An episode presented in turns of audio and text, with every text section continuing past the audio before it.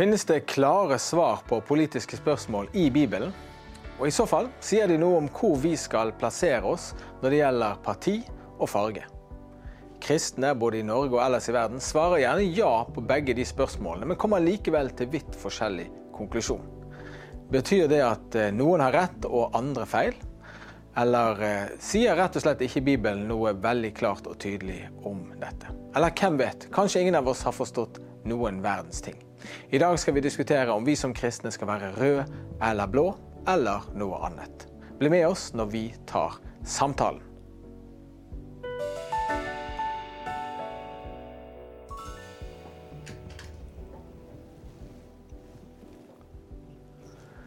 Ja, jeg har fått med meg eh, vår første gjest, Jeron Josef. Velkommen til deg, Jeron. Tusen takk for at jeg kunne komme.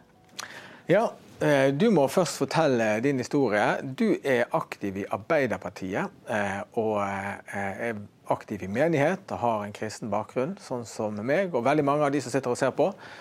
Fortell din historie. Ja, du, nå er det jo slik at jeg er nå fulltidstillitsvalgt i Fagforbundet. da. Men tidligere lektorstudent og ja, jobbet på, i Helse Bergen. Men hele begynnelsen min starter jo fra Eh, ja, når lite barn. Eh, kan gjerne si kallet for Gud. Eh, det som ble profetert over livet mitt, var at jeg skulle tale på vegne av folk. Folk som ikke hadde muligheten til å snakke på vegne av seg. Folk som kanskje følte det urettferdig i livet. Eh, mine foreldre trodde at det skulle være da pastor, da, men det ble som sagt politiker.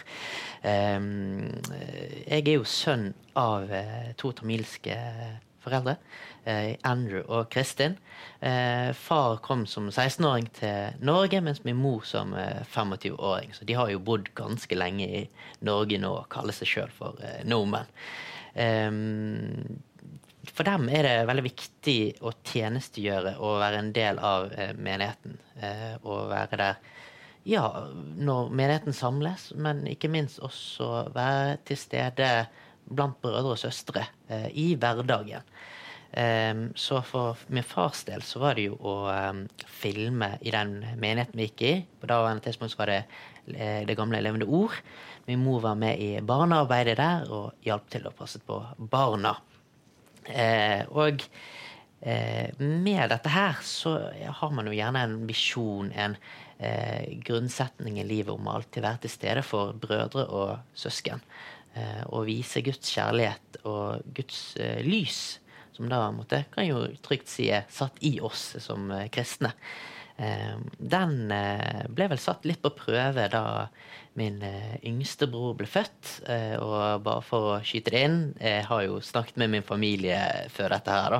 Og det er jo fått samtykke til å prate om dette her.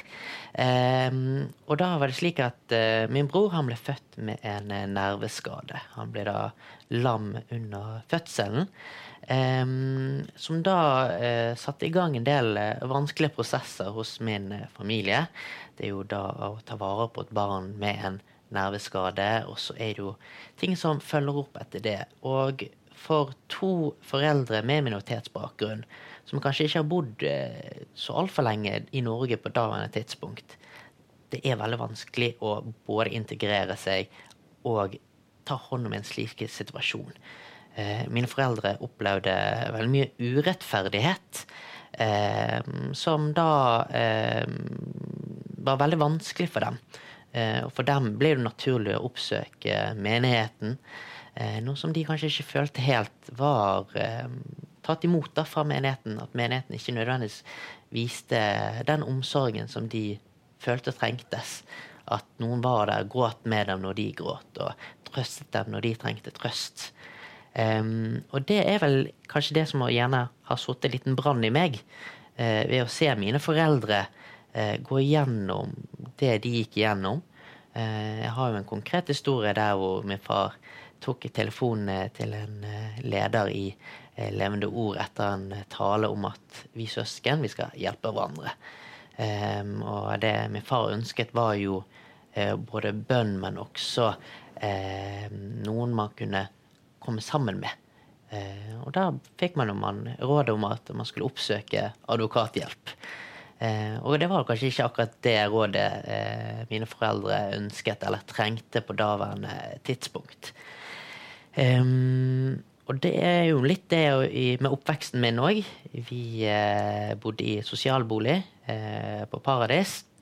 Eh, der hvor på den ene siden var eh, sosialboliger og blokker. Eh, kjente murhus. Og så på den andre siden av veien så var det villa. Villastrøk. Og uh, de som lekte i gaten, det var barna sammen. Det var ingen klasseskille, det var ingen forskjell mellom mørk eller lys fattig eller rik. Eh, tilsvarende var også på skolen. Eh, det var eh, ikke forskjeller. Det var både troende og ikke-troende, kristne og eh, muslimer, hinduer. Eh, en god blanding. Eh, og det hjelper også med tanke på at min forståelse av hvordan et godt samfunn kan være, da, at vi kan være ulike, men fremdeles leve i harmoni eh, med hverandre.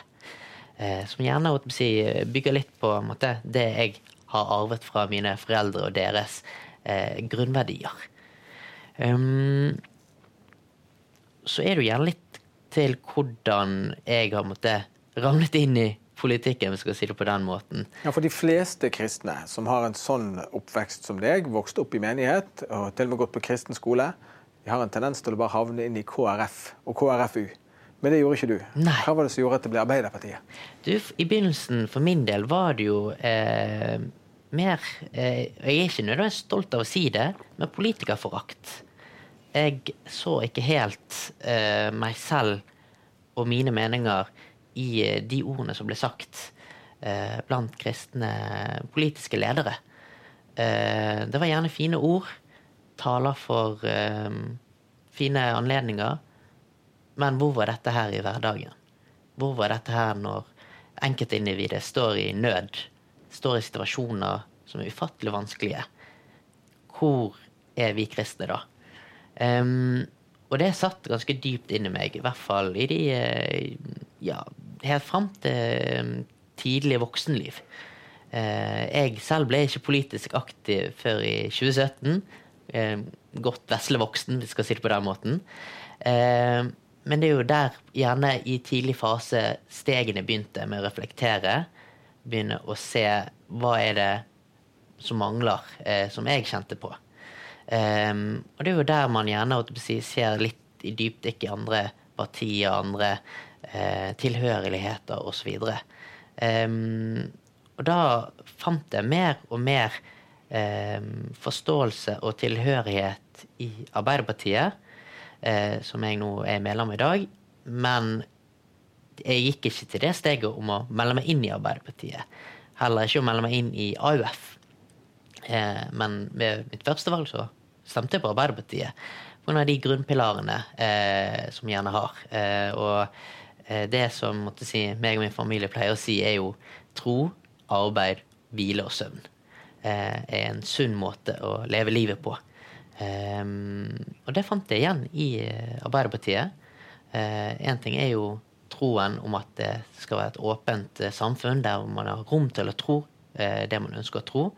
Å kunne jobbe i et trygt arbeidshverdag uten å få belastninger eller bli utsatt for jobben sin.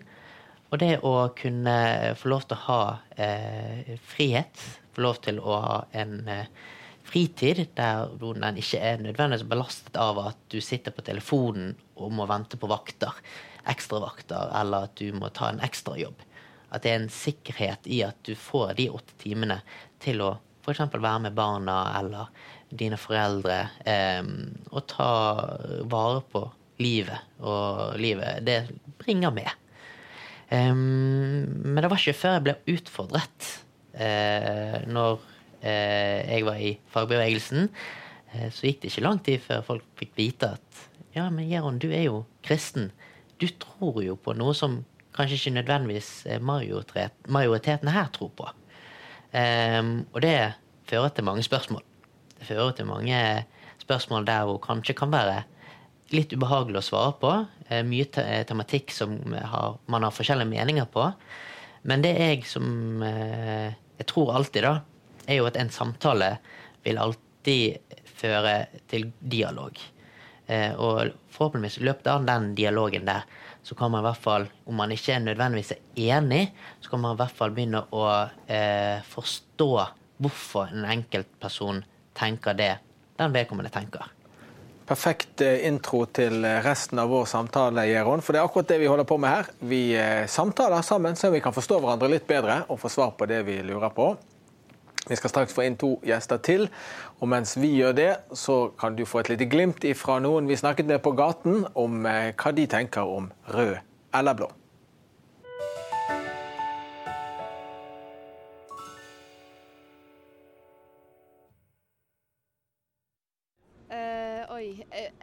Av de to så tror jeg det må være rød. Ja. Blå. Jeg tror jeg må si rød tror jeg er Arbeiderpartiet. Jo, jeg er det. Ja. Eller står for det. du er god. Den er blå, isbett gult.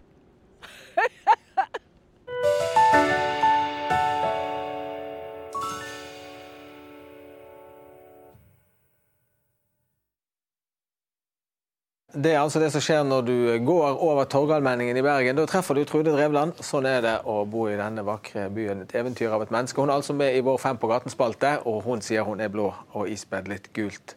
Eh, jeg har fått med meg to eh, gjester til. Tarjei Gilje, redaktør i Dagen. Leif Jacobsen, pastor, forfatter og mange ting. Velkommen til dere begge. Ja, La meg begynne med deg, eh, Leif Jacobsen. Nå har du eh, lyttet på eh, Jeron og, vår samtale. Du har vært pastor lenger enn jeg har levd. Og i tillegg så har du vært politisk aktiv i KrF. Hva var det som gjorde at du valgte KrF som ditt parti? Var det en selvfølge? Eh, ikke helt, kanskje. Eh, min første opplevelse med KrF var at jeg gikk rundt eh, i Fredrikstad i kortbukser på vegne av min far, eh, KrF-politiker i Fredrikstad, og delte ut lister for kommunevalget. Så min far var kommunepolitiker for KrF i Fredrikstad. Så det har nok gått litt i arv, altså. Nesten som kristentroen så har den politiske overbevisningen og ståstedet eh, gått i arv. Men i voksen alder så er jeg jo bevisst på hvor jeg hører hjemme. Du hadde også et lite eh, Hva skal vi kalle det? Du var med på en, en oppstart av et alternativ til KrF. Eh, Ny fremtid eller noe sånt het det på begynnelsen av 90-tallet. Eh, der gjorde du også noen erfaringer. Eh, hva lærte du av det? Samlingspartiet Ny Framtid. Riktig. Eh, der var jeg ivrig med og utformet strategier og verdigrunnlag. Og sto øverst på eh, stortingslisten i Oslo. Min erfaring var eh, å starte et politisk parti fra grunnen av er ingen spøk. Så forsøk å jobbe gjennom de eksisterende partiene. Det er min lærdom. Ja. Det å være pastor og samtidig politisk aktiv, var det en utfordring for deg? Gjorde det vanskeligere å være pastor, for å si det sånn? Det er ikke min erfaring at det var vanskelig. Men eh, det må ligge i bunnen en respekt for andres politiske valg og ståsted. Så som eh, pastor eh, og aktiv KrF-politiker var det helt klart for meg at fra talerstolen skal det ikke tales partipolitikk. Det er helt greit at det tales politikk, for Bibelen handler jo i stor grad også om politikk. Men partipolitikk, der respekterer vi hverandre. Og vi ønsker alle hverandre godt valg. Uansett hvilket politisk parti det står på den stemmeseddelen man legger i urna. Tror du det er noen som eh, du kanskje aldri hørte fra, men som syns det var vanskelig at du var profilert i partiet og samtidig tilhørte din menighet? Eh, det var ingen som sa det til meg. Men jeg vet at det var eh, medlemmer i menigheten og menighetene som hadde andre politiske oppfatninger. Men eh, det var ikke det som var agendaen i menighetssammenheng. Det, eh, den tiden som jeg husker deg i politikken, det var jo mens du var pastor i Levende Ord. Og Da var du aktiv lokal, som lokallagsleder i Bergen. Og På Levende Ord så var det en veldig kultur for det der å være politisk aktiv. Det var, en, det var nesten et slags menighetsprosjekt. At, så Folk sto veldig mye på KrF sin liste og på Frp sin liste. Var det noen andre fra den røde siden i Levende Ord på 90-tallet og begynnelsen av 2000-tallet? Jeg tror ikke det var mange av de. De gjorde ikke så mye av seg, i hvert fall. Nei. Eh, det var nok de to partiene du der nevnte, som var eh, toneangivende. Tarjei, jeg må spørre deg. Du er jo en observatør og kommentator. Eh, hva tenker du om det at vi har en tendens i kristne sammenhenger til å gravitere mot KrF, kanskje litt Høyre og Frp? Så kommer det en ung mann som har erfart Eh, at eh, sosialdemokratiet eh, er det stedet der hans verdier er best ivaretatt. Hva tenker du om det? Jeg syns mest at det er litt spennende. Og det er noen sånne. Det, det er nok unntak ennå, særlig i frikirkelige miljøer. Men det er noen, og, og jeg tror det representerer kan i hvert fall representere et generasjonsskifte i forventningen om hva politikk skal være for noe. For der mange har sett det som en samvittighetssak å stemme Kristelig Folkeparti nesten alene pga. abortspørsmålet, så tror jeg det er flere som etter hvert tenker at det spørsmålet lar seg ikke løse politisk. Det må løses på andre måter. Og da vil man engasjere seg politisk ut fra hva saker man er engasjert i. Og velger da annerledes. Eh, det er ikke mange av de ennå som jeg har kunnet registrere, men, men noen er det. Hva tenker du om det å skulle kombinere det å være menighetsleder? Du er jo sjøl mm. med i lederskapet mm. i Kristkirken i Bergen, med å være politisk aktive. Det er problematisk? Jeg føler helt det som Leif sa der, at, at fra talerstol i menigheten uh, syns jeg det er veldig viktig at man ikke driver partipolitikk. Og Det har vært noen tilfeller hos oss der vi har liksom, okay, der, der, går grensen. Uh, for folk skal kunne være medlemmer av ulike partier uten å føle at de dermed er B-medlemmer uh, i menighetene. og Det mener jeg er veldig viktig. Men når det er sagt, så, så syns jeg også akkurat som at andre yrkesgrupper bør ha anledning til å engasjere seg politisk. Kanskje med litt unntak for journalister. Eh, så bør òg pastorer og prester kunne gjøre det, men man må da være desto mer bevisst på rollen. da. At det ikke virker som at pastoren autoriserer ett parti. Jaron, eh, Tarjei snakker om eh, at ingen må føle seg som et B-medlem i menigheten fordi de tilhører et eh, annet parti enn det som pastoren er. Hvordan er din erfaring med å være i Arbeiderpartiet, som ikke er stor i frikirkeligheten? Har du opplevd at eh, du har blitt eh, skult på, eller vært opp, oppfattet deg som et B-medlem fordi du har vært der? Heldigvis ikke. Jeg har blitt godt ivaretatt både av menigheten jeg går i, men også andre kristne. Eh, og som ble sagt her, det er en ny generasjon eh, som tenker kanskje litt andre måter å begynne å løse våre samfunnsproblemer på. Eh, og det er jo litt det at det kan være ganske mange som sitter der inne og tenker jeg stemmer kanskje, eller føler tilhørighet til et annet sted enn kanskje det eh, tradisjonelle valget. Eh, og da er det jo litt det å, som er sagt her, greit nok at man ikke nødvendigvis står der og sier på talerstolen og peker retning, men gjerne også informere eller opplyse om at i uh, Kristen-Norge så er det naturlig å ha utspring på flere sider av politikken enn kun det ene. Så jeg takker Gud for at uh, vi ikke, eller i hvert fall ikke jeg, har opplevd noe sånt. Eh, det å, For min del, f.eks., eh, som har vokst opp i en kristen familie, så ville det vært et veldig steg å gå et annet sted enn KrF. Eh, og så har jeg faktisk stemt på andre partier. men men det har vært bedre i, i, protest hvis det har vært ting i, i, i KrF som vi ikke har vært begeistret for. Men, men, eh, kulturelt så er jo vi veldig knyttet til KrF i den kristne bevegelsen. Det er nesten umulig å unngå. Og Leif, du forteller at du arvet ditt KrF-engasjement av din far, og mange andre har fortalt om det samme. Eh, ser du et annet bilde blant nye landsmenn som ikke har den historikken som, eh, som vi har, vi som er liksom eh, tredje, fjerde, femte generasjons nordmenn? Jeg vil nok kanskje si at det er ganske tilsvarende det Leif du sier. Man får det litt gjennom morsmelken, og kanskje forventning òg. Så er det jo litt gjerne det at du hører navnet KrF, eller Partiet De kristne, som det tidligere navnet var. da. at man tenker med en gang ja, men det er jo vårt parti. Det er det kristnes parti. Um, og så er det litt det med hva er det man forstår uh, utenom navnet. Uh, hva er det som står i partiprogrammene? Og det tror jeg svært få eh, leser på sånn generelt eh, grunnlag, men også blant innvandrerfamilier og minoritet, personer med minoritetsbakgrunn, kanskje ikke gjør det. Eh, og spesielt de som er ny til lands. Det er veldig tungt stoff å gå igjennom, og da satser man på at navnet det klinger best eh, med den troen man har. Ja, hva er din oppfattelse når du snakker f.eks. med andre fra Sri Lanka, som har den bakgrunnen? Er de eh, typisk KrF, eller er de andre partier? Der er det spredt overalt, hele linjen. Om man er hindu, er katolsk eller eh, kristen i ny form, eller om man er ateist for den saks skyld.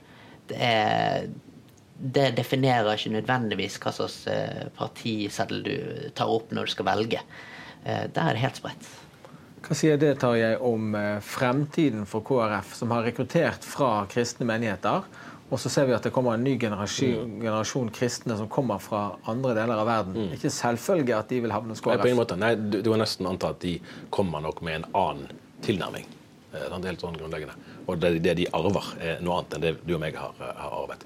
Vi gjorde jo en, en undersøkelse i 2019. Eh, blant, og Da prøvde vi å undersøke eh, situasjonen blant kirkeaktive kristne. Altså ikke bare de som er medlemmer i et trossamfunn, men som går til gudstjeneste i hvert fall sånn en gang i måneden cirka.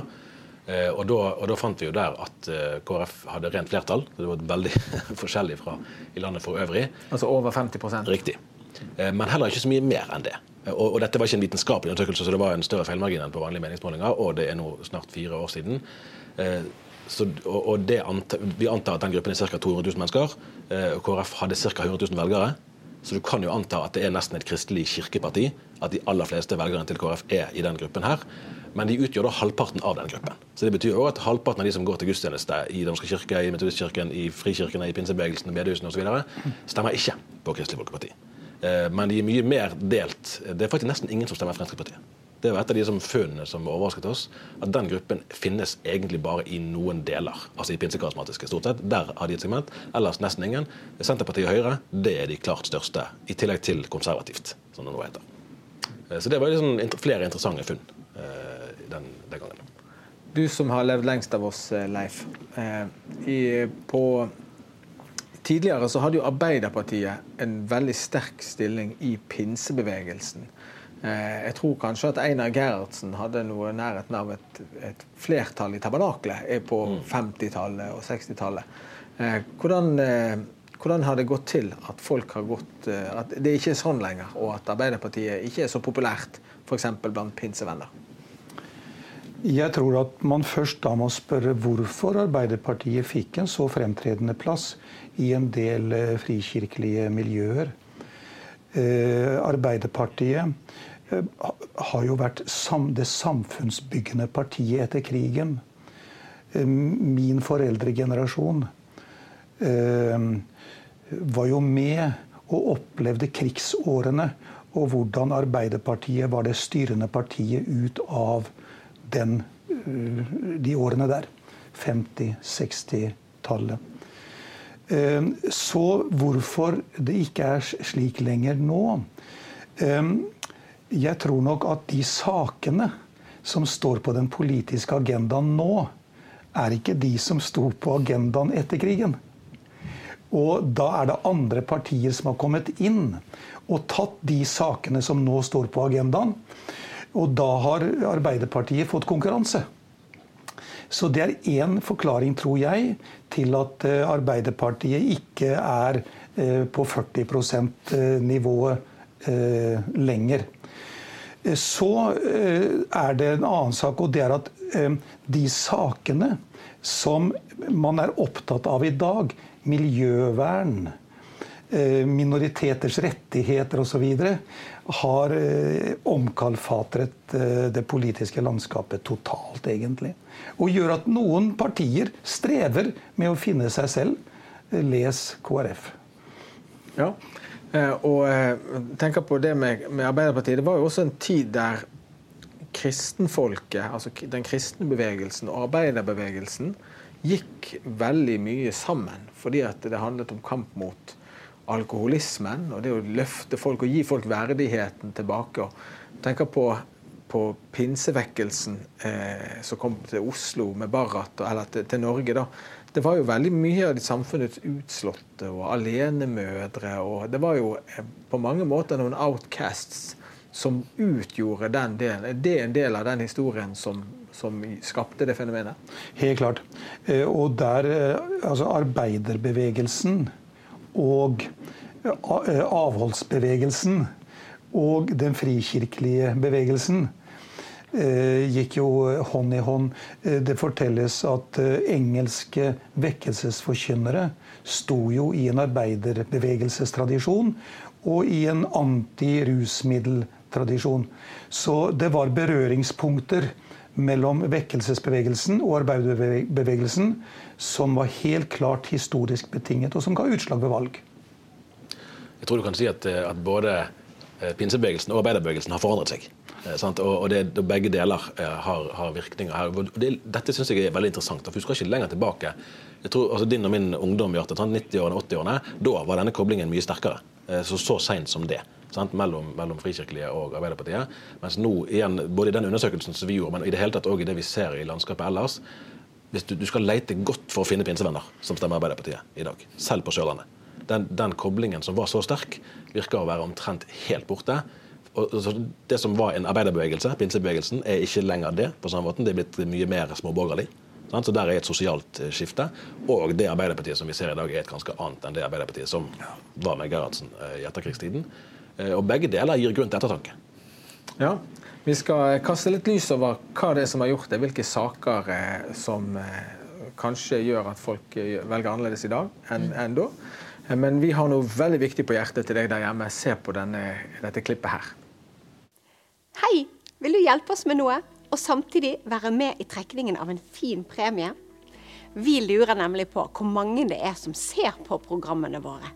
Og Derfor så har vi satt i gang en liten aksjon. Eh, der vi kan høre fra deg der hjemme. Og Det vi lurer på, det er om du kan gi oss et lite vink på én av tre måter. Der du enten sender en SMS til oss og skriver 'hei' til 1930. Eller at du ringer til oss på 55 10 10 00 eller gå inn på kristenmedia.no, og så registrerer du deg der. Og det er selvfølgelig helt gratis. Og da er du samtidig med i trekningen av en fantastisk reise med Havila kystruten fra Bergen til Kirkenes og tilbake. Og du får bo i utvendig lugar og får en fantastisk opplevelse for livet.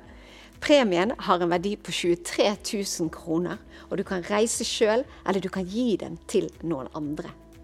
Og så til deg der hjemme. Enten du ser programmene våre ofte eller av og til, så vil vi gjerne at du skal være med i denne trekningen, sånn at vi kan få vite hvor mange som ser på programmene våre. Og da må du altså sende en SMS der du skriver 'hei' til 1930, eller ringe 55 10 10 00, eller gå inn på kristenmedia.no og registrere deg der. Og den 6. juni, da skal vi avsløre hvem som vinner denne premien. Og kanskje er det akkurat du. Ja, jeg slutter meg til appellen til Linn der, altså. Vi vil veldig gjerne høre fra deg der hjemme. Og eh, så trenger du ikke gjøre det mer enn én gang. Så hvis du har sendt en melding eller ringt eller registrert deg på nettsiden, så eh, trenger ikke du gjøre det igjen. Da er du med i trekningen den 6. juni på direkten. Det skal bli spennende, det også. Vi er tilbake igjen her, eh, og vi har snakket om politikk. og en av de sakene som engasjerer meg, og som er veldig viktig for veldig mange kristne, det er friskolesaken. Eh, og Der eh, har det vært et, en slags borgfred mellom Arbeiderpartiet og KrF i mange år, samtidig som de har hatt en liten dragkamp. Eh, nå er det mye mer som tyder på at den freden er forbi. Arbeiderpartiet i regjering gjør det vanskeligere for friskolene. Og du har gått på friskole, Gjeron. Mm. Eh, og så er du likevel en lojal Arbeiderpartimann. Eh, hva sier du til det om friskolen og Arbeiderpartiet? Tenker det er viktig at man eh, gjerne definerer hva slags type skoler man prøver å luke ut. Eh, og når det blir omtalt som private, så er det jo først og fremst kommersielle eh, skoler man prøver å luke ut. De skolene som måtte, der hvor statens midler går inn, eh, men ikke nødvendigvis går tilbake til tjenesten, men ut av eh, velferdsstaten. Så er jo mange som spør ja, men hva med de andre ideelle skolene. Er de ønsket? Og slik som Arbeiderpartiet har vedtatt i partiprogrammet, så er jo det slik at vi ønsker de ideelle skolene. Eh, og så har vi det siste med Brenna, eh, der hvor man kommer med forslag om nye eh, lover om eh, friskoler og eh, private skoler. Eh, og da er jo, Det er jo gledelig å se at en av eh, grunnene som måtte, kan være for å opprette en skole, er jo deriblant livssyn. Eh, sammen med f.eks. tradisjonell eh, kunsthåndverk, eksempel, eller internasjonale skoler. Eh, så det vi kanskje må se litt på, er hvordan bevilgningen gjøres. Eh, for jeg tror mye kan løses om man klarer å finne enkeltpunkter som man er enig i, og passe på at man faktisk sier det man mener. At man ikke blander med ordene. Men nå hører jeg Arbeiderpartipolitikeren Gjeron som Mm. forsvarer eh, Arbeiderpartiets politikk. Mm. Eh, men jeg hører jo fra friskolene, og det skal jeg spørre deg litt om òg, Tarjei, at de har merket at det er blitt mye trangere Mm. etter Arbeiderpartiet fikk makten, og de er skremt for det som kan komme ut av denne regjeringen. Så da spør jeg Gjeron, som gikk på kristen friskole, eh, hva tenker du om det? At det er blitt vanskeligere for de kristne friskolene under ditt partis regjeringstid? Jeg tenker jo at eh, vi skal ha noen retningslinjer å gå under. Retningslinjer som man skal følge, slik at man eh, har en god skole der hvor man får den opplæringen som man trenger. Eh, nå er ikke jeg noen ekspert til å bedømme eh, hver enkelt skole eller hver enkel søker, eh, men det er jo noe med at eh, Ta f.eks. lærernormen. da. Eh, man skal ha lærere som er kvalifiserte og som er gode pedagoger. Ja, men det koster jo gjerne mer. Eh, og i dag så er det jo slik at eh, 85% av eh, en eh, elevs eh, ja, tuition, da. eh, Skolepenger. Skolepenger, takk, ja. eh, er dekket av staten.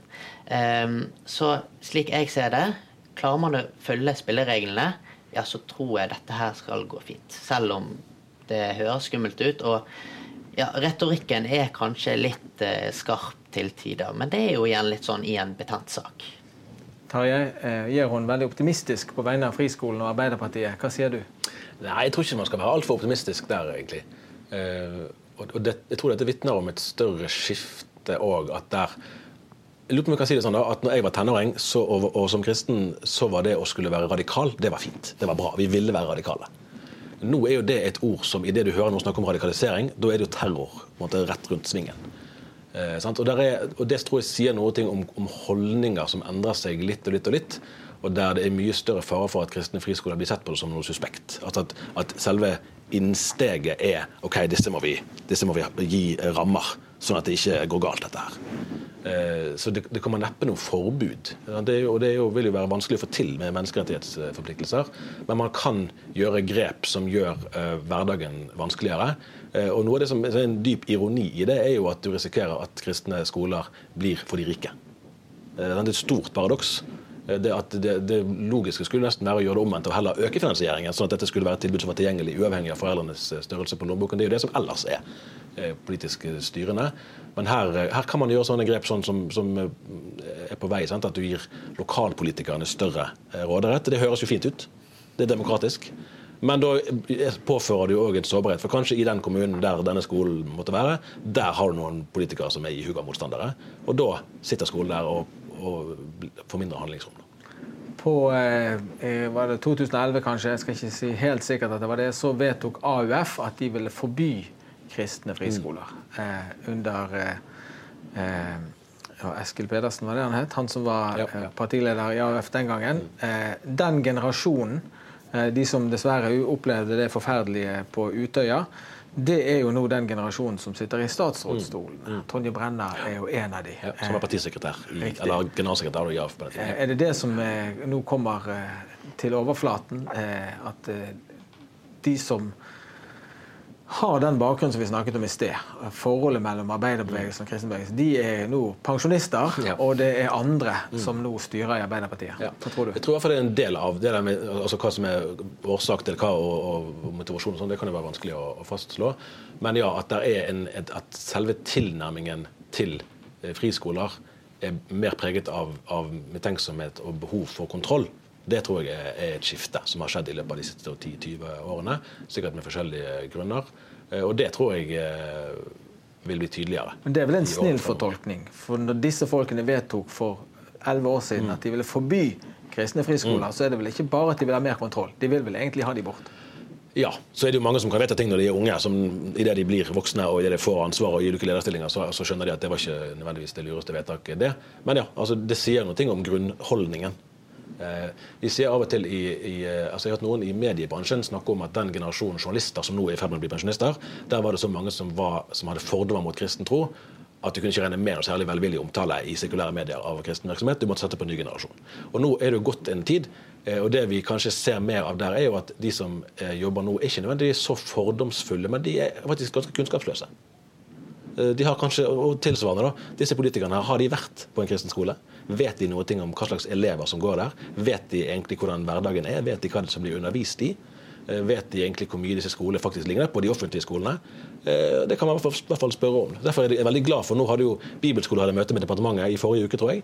Og statsråd Brenna var på Kongshaug eh, musikkgymnas på Os utenfor Bergen her eh, rett før jul. Sånne møter tror jeg kan være veldig viktige. Og det blir enda viktigere at de, både kristne og andre friskoler eh, byr seg frem og viser offentligheten her er vi, dette er vårt bidrag til samfunnet. For du kan ikke ta noe godvilje for gitt. Leif, jeg må spørre deg. Eh, vi kunne snakket om friskoler hele dagen eh, og natten, men eh, vi må over til andre spørsmål som for så vidt har overføringsverdi til det her. Trosfrihet. Det er i ferd med å bli en veldig veldig grunnleggende verdi. Det har alltid vært det, men, men mange kristne de føler at det nå blir et trangere rom for å ytre seg politisk, eller ytre seg med utgangspunkt i teologi, hvis man er imot pride-ideologien osv., og, så videre, og at dette her er noe som også gjør det vanskelig for skoler og i det hele tatt kristne virksomheter, omsorgsinstitusjoner osv. Hvordan leser du dette bildet? Eh, eh, Begynner det å dra seg til for kristne, og hvilke politiske eh, dynamikker er det rundt det? Jeg er ikke i tvil om at vår vestlige verden går i retning av totalitarisme. Meningstvang mer og mer. Og det Du kan se det på når man budsjetterer mindre og mindre til privatskoler. Når man krever mere, flere og flere medlemmer i trossamfunn for at de skal få støtte. Og så går man inn og bestemmer og tvinger eh, det enkelte trossamfunn hva man skal lære og mene, selv om det strider mot trossamfunnene selv. Og hvis man ikke retter seg etter det staten sier, så får man ikke tilskudd. Det er ikke tvil om at demokratiet har blitt misbrukt til å utvikle seg i retning av at man skal gå i takt, man skal mene det samme, og det jeg vil kalle for totalitarisme. Eh, Og i så henseende kan man se til de eh, sovjetiske land, tidligere sovjetiske land. Eh, eh, Du kan se hvilken vei Russland har gått mot diktatur. eh, Hvordan de som tidligere var med i den alliansen, har frigjort seg mer og mer. Men så kan man spørre de som i utgangspunktet skulle kjempe for frihet, likhet og brorskap. Og er vi nå i retning av meningsterror? Eh, Og eh, det er ikke bare politikerne som er inne i dette bildet. Big tech, de store teknologiselskapene. eh, Det skal jo ikke så veldig mange uomtenkte innleggene til på Facebook før du blir tatt av plak plakaten. Og det er en skremmende utvikling. Og jeg mener at det er rart at man ikke ser det. Eh, Som kristne er jo respekten for annerledes tenkende en av grunntonene, altså. Han, den Gud vi tror på, han lar det regne over rettferdige og urettferdige. Han spør ikke om hva du mener. Og eh, Det er noen idealer her som jeg tror eh, også politikere burde eh, tenke nærmere etterpå. Jaron, tror du at det er at trosfriheten er i fare i landet vårt? Ser du det bildet som Leif gjør? Eh, til en viss grad så gjør jeg det. Ehm, og da er det jo mange som gjerne spør hva er som krenkende og ikke krenkende. Eh, vi kaller jo krenkelsesåret, der hvor alle kan bli krenket for alt. Eh, men så er det jo gjerne å trekke den linjen. ok, Hva er ytringsfrihet? Hva er å krenke? Um, og det er jo mange meninger om når man uttaler seg om pride eller uh, kjønnskorrigens osv. Hvor er den linjen på hva er det troen sier, og hva er det hva som måtte si går over grensen til noe ufint og egentlig ikke passer å si? Um, og der tror jeg vi må ha en, som allerede eksisterer i dag, en, god dialog på hva som er greit å si, ikke å si. Men igjen tilbake til at det er, blir så betent at man ikke hører på hva, hva en eller annen meningsmener eh, ønsker å ytre seg. Um, så i de tilfellene f.eks. jeg er i dialog uh, med flere som kanskje har forskjellige meninger, så uh, pleier jeg å si ok, greit, nå skal jeg sitte og høre. Og skal jeg høre hva du sier. Og skal jeg spørre hva er det du egentlig mener. Få den forståelsen av hva du ønsker å bringe til bordet. Og så gjør du det samme motsatt med meg. Mm. Jeg tror det er en av grunnøklene som vi må gjøres, for det er gjerne der det brister for ganske mange, enten om det er i politikken eller rundt kaffebordet, at man har slått seg litt blind, satt opp eh, blinde vegger, eh, og ikke enten, Det betyr ikke nødvendigvis at du skal bli enig i hva andre mener, men ha en viss forståelse for hvor de andre kommer fra. Ja, har du forståelse for uh, Anette Trettebergstuen sitt forbud mot konverteringsterapi, f.eks., som uh, som veldig mange kristne ikke bare opplever som et vern mot noe, men også like mye et angrep på deres trosfrihet. Sånn som er gjerne et tilbud sant, for den som ønsker å søke det. Um, og hvis vi trekker det litt i en motsatt parallell, da, der hvor det har kommet historier der hvor uh, enkeltindivider har sagt at de har følt et visst tvang, at de har følt at dette er noe måtte gjøres for at de i det hele tatt skal føle seg inkludert i et kirkesamfunn eller et generelt samfunn blant kristne. Um, og da kan det jo være litt bensin på bålet. Um, og da er jo Arbeiderpartiets politikk at de ikke skal drive med konverteringsterapi. Um, men det er jo der den fine grensen tilbake igjen. Er det da konverteringsterapi å ha forbund? Er det konverteringsterapi å ha en dialog? OK, dette er det du føler. Hva tenker du om det? Hva tenker du om din tro. Um, jeg er jo litt på den linjen at å snakke og ha dialog er ikke en konverteringsterapi. Eh, hvis en person kommer og ber om forbønn, det er ikke terapi. Det er noe åndelig. Det er snakk om å få hjelp i den situasjonen man står i. Men det er vel ikke å eh, ta for hardt i, og du får kommentere hvis du er enig med meg, Tarjei, at eh, folk fra din egen menighet, kristen fellesskap, eh, de ville kunne havnet i fengsel med det nye lovverket som er på trappene, for det som eh, de har praktisert bare de siste 10-20 årene. Ja, der Du gjengir kanskje en VG-dokumentar som gikk på TV. Den vil jo egentlig si Jeg stiller meg veldig kritisk til den dokumentaren der. Og tenker at Og vet at det setter egentlig bildene i feil lys. I enkelttilfeller der så er det noen som har bedt om å uh, bli finansiert. for så menigheten ok, hvis dette er ønska, så skal du få lov til det. Um, så hvordan VG-dokumentaren fremstilte er verken jeg, og jeg regner med at menigheten nå er uenig i. Vi skal straks ha en andakt, eh, Tarjei. Jeg eh, må be deg om å, å si noen Pauli-ord eh, til slutt i samtalen om dette med kristendom og politikk, og mm. hvilke tegn du ser i tiden. Du har et minutt på det. Jeg tror vi må innse at vi lever i en utfordrende tid. Et tidsskifte, et kulturskifte. Eh, ingen som er for trosfrihet, vil jo f.eks. mene at foreldre har rett til å misbruke barna sine i religionens navn. Sånn at ingenting er jo helt grenseløst. og Derfor må man òg fra kristent hold være bevisst på eh, at ja, det er noen ting her som trenger å bli regulert. Eh, det finnes, eh, altså Solberg-regjeringen sitt konverteringsterapiforbud vil jeg tippe at de fleste pastorer i landet kunne si uten videre det der er helt i orden. Ingenting av vår virksomhet vil ramme seg dette. Det der er helt greit. Selv om begrepet er veldig fremmed. For noen få år siden hadde ingen hørt om det begrepet. Men så er det andre, andre grenser der man må si at her må vi lyde Gud mer mennesker. Og Hvis staten sier dette, det kan vi faktisk ikke for vår samvittighets skyld følge, så får konsekvensene bli som de blir. Det kortet må man ikke dra for tidlig. da. Men noen ganger må man det, og det, det, har, vi, det har, kristne mennesker måttet gjøre gjennom hele historien. Kanskje kommer det til oss. Det, vi har ingen garantier mot det. Hvordan eh, er fremtiden for eh, KrF, tror du? Jeg skrev i 2017 at jeg tror at det var deres siste valg over sperregrensen. Det tror jeg ennå.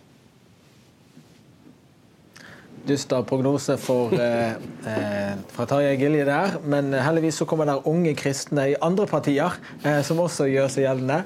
Eh, vi eh, skal straks få en andakt. Eh, det er faktisk Per Arne Gjerde fra din egen menighet Kristen Fellesskap i Bergen som skal gi oss noen ord fra Guds ord her. Vær så god, Per Arne.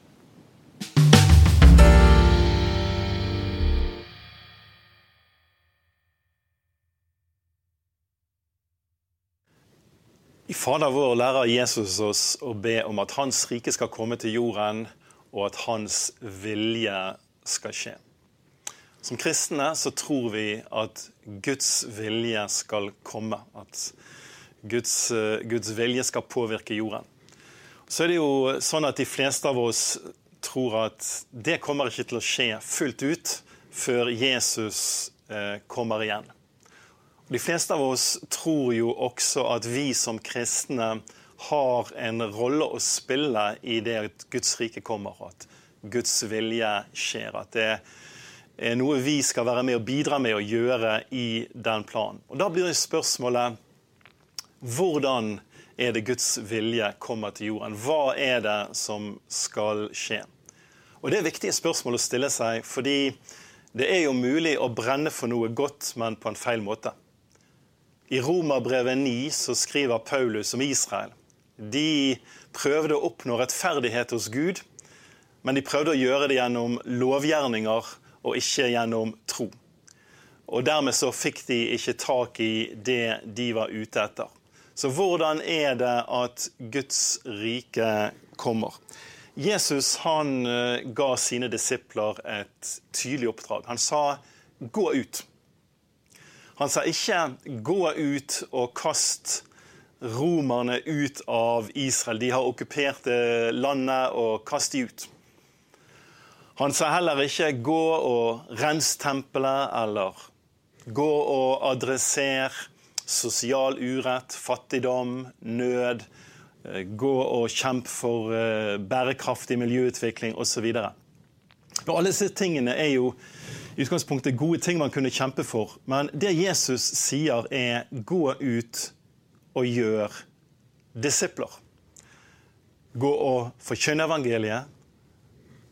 Døp de som kommer til tro, og lær de å holde alt det jeg har befalt dere. Guds rike kommer hjerte for hjerte, sjel for sjel, familie for familie. Og når Guds rike kommer til enkeltpersoner, så blir òg i konsekvens nabolag forandret, nærmiljø, ja, byer og nasjoner. Noen av de verdiene som Jesus ga oss, som representerer Guds rike, finner vi i bergpreken. Og Der sier Jesus at vi skal være barn av vår himmelske Far. Og han er god mot alle mennesker. Han har solen skinne og regnet falle på både de gode og de onde, både de rettferdige og de urettferdige. Så de verdiene du finner i bergpreken, er ikke i utgangspunktet veldig konfronterende. I alle fall ikke konfronterende på den måten vi er vant til å tenke konfronterende. De konfronterer våre holdninger, men Jesus lærte oss at vi skulle elske våre fiender. Vi skulle velsigne de som forbanner oss. Vi skulle be for de som forfølger oss. Så det er verdiene i Guds rike, og de verdiene er transformerende. Og de verdiene forener òg oss som tilhører Gud.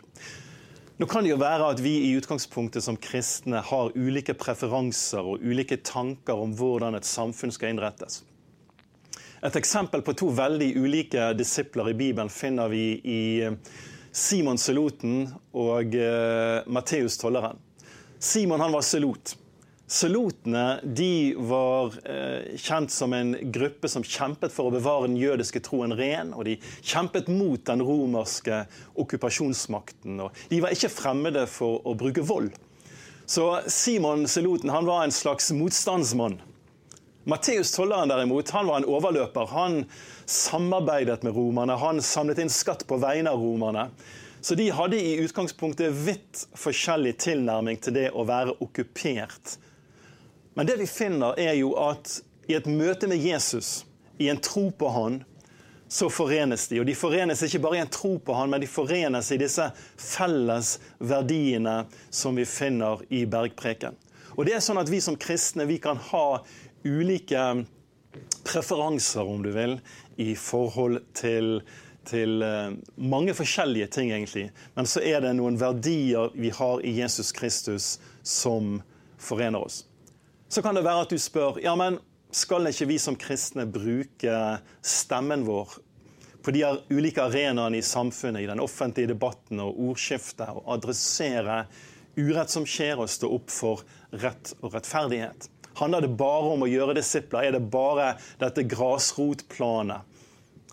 Nei, både historien og Bibelen viser oss absolutt at Gud både kaller og reiser opp. Han utruster og han salver mennesker til å eh, stå i en sekulær verden på ulike arenaer og tale hans sannhet inn i sin samtid. Og Det er ingen motsetning mellom dette at vårt hovedkall er å forkynne evangeliet og gjøre disipler, og på den andre side at Gud reiser opp noen som har fått et mandat til å stå for rett og rettferdighet. La oss avslutte med å lese noen vers fra Kolosserbrevet kapittel 1. I vers 27 og 28 står det Gud ville kunngjøre for dem hvor rik og herlig dette mysteriet er for folkeslagene. Kristus blant dere, håpet om herlighet. Det er ham vi forkynner, og vi rettleder og underviser alle mennesker i den fulle visdom for å føre hvert menneske fram til modenhet i Kristus. Det budskapet som gir håp til nasjonene, gir håp til mennesker i verden, om herlighet, det er budskapet om Jesus Kristus. Ham er det vi forkynner, sier Paulus. Gud velsigne deg.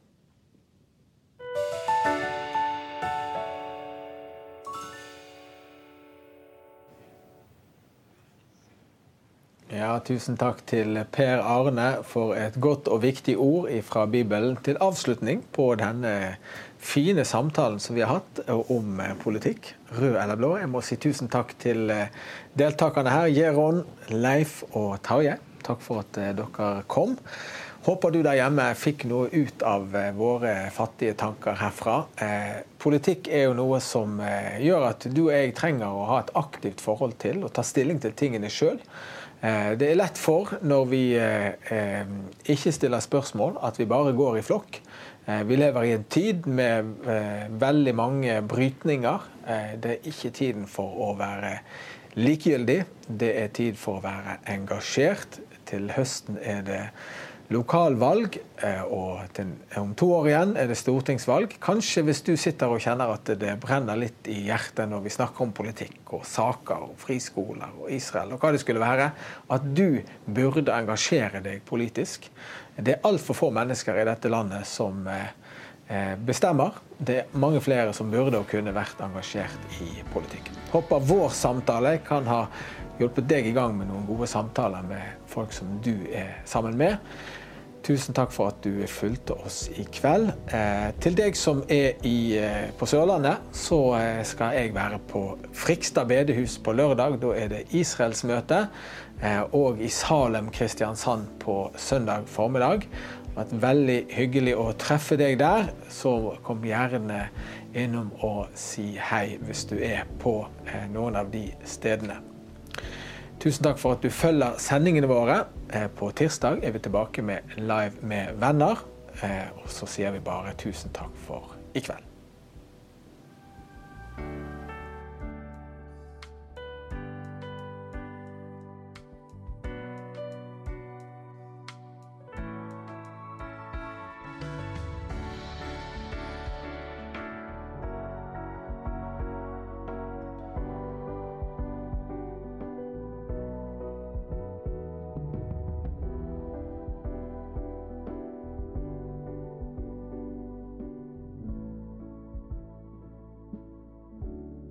Noen ganger handler samtalen om ting som kommer nært inn på livet, og som kanskje berører deg og ditt liv.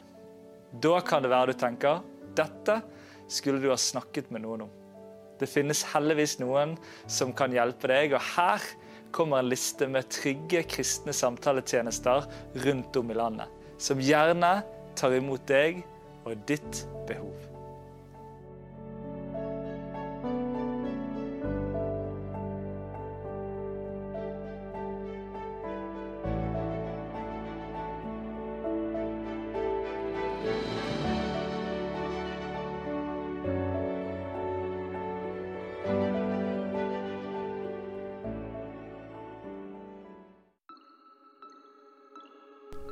Ser du på Live med venner?